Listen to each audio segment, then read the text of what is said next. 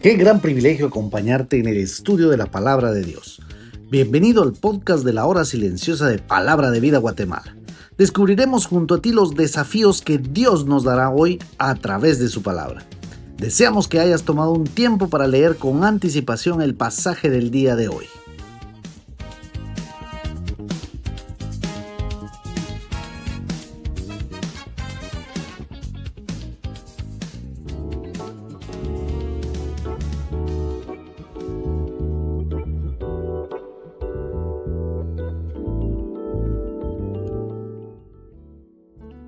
Hola, ¿cómo estás?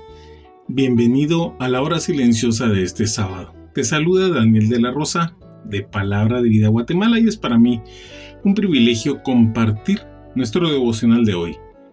Hoy se encuentra en 1 Corintios 15 del 1 al 11. Este capítulo 15 podría mencionarse como uno de los más importantes de toda la Biblia, porque se escribe para contestar a la primera herejía que se presentó en la iglesia cristiana y que fue el negar la resurrección corporal de Cristo.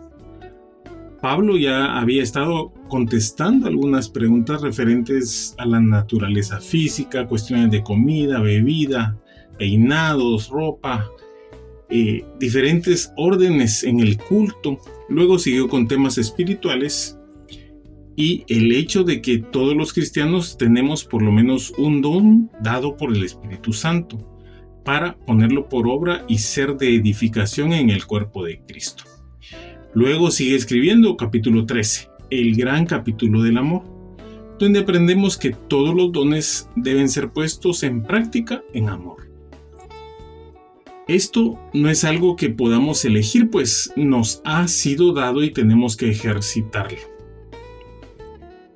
el fruto del Espíritu Santo es el amor y esto debe distinguir la vida de un creyente. Entonces llegamos a este importante tema, la resurrección de nuestro Señor Jesucristo. Y este es el tema más importante del Evangelio, pues sin la resurrección corporal de Jesús, todo lo demás no tendría sentido. En Romanos 4:25 se nos dice que Jesús fue entregado a la muerte por nuestros pecados y resucitado para declararnos justos. Con su muerte, Él quitó los pecados, pero con su resurrección, Él nos dio una entrada segura al cielo. La resurrección no es espiritual, sino física. La palabra usada en el griego se traduce como levantar un cuerpo, levantar un cadáver. Por eso tenemos que comprender que Pablo no está hablando de una resurrección espiritual, sino corporal. El alma no muere. La muerte espiritual significa separación eterna de Dios. En el mismo momento que una persona muere, esa persona va a otro lugar. Si es creyente, estar ausente del cuerpo implica estar presente con el Señor. Y si el que muere no es un hijo de Dios, va a un lugar de tormento, según lo describe el mismo Señor Jesús. Pablo declaró que la resurrección formaba parte del Evangelio. Un teólogo cristiano declaró que la cristiandad no se apoya en un conjunto de ideas o credos, sino se apoya en hechos. El Evangelio lo constituye en una serie de hechos relacionados con la persona de Jesús. Leamos los primeros cuatro versículos de este capítulo 5. Dice así, Además os declaro, hermanos, el Evangelio que os he predicado, el cual también recibisteis, en el cual también estáis firmes, por el cual sois salvos. Si retenéis la palabra que os he predicado, sois salvos, a no ser que hayáis creído en vano.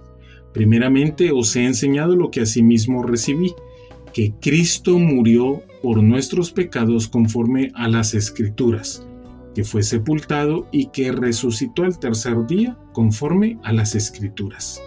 Así que aquí tenemos el Evangelio en esencia. El Evangelio, esa palabra literalmente se traduce como las buenas noticias o buenas nuevas.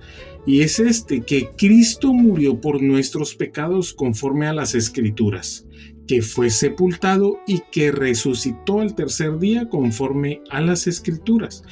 El Evangelio no se trata de algo que nosotros debemos hacer, Simplemente nos informa de lo que Jesucristo hizo por nosotros, expresando en su muerte, su sepultura y su resurrección.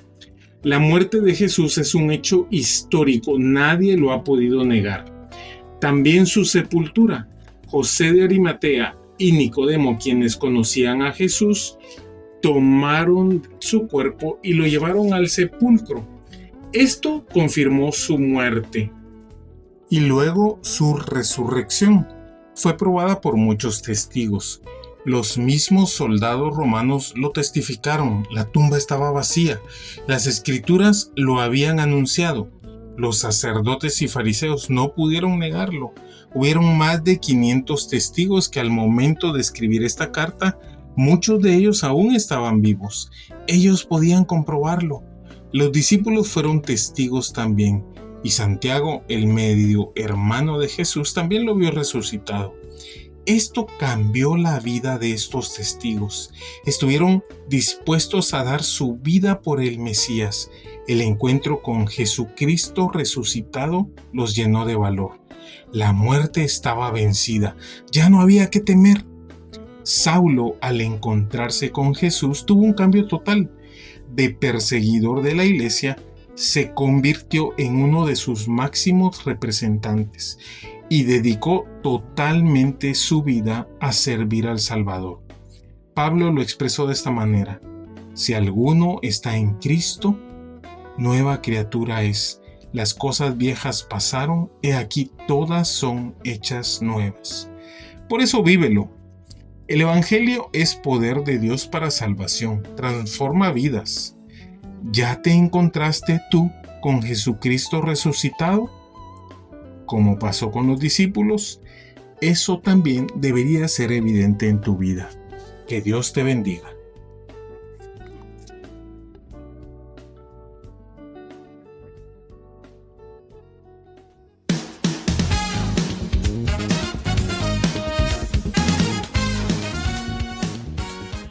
Es emocionante saber los tesoros que Dios tiene en su palabra para nosotros.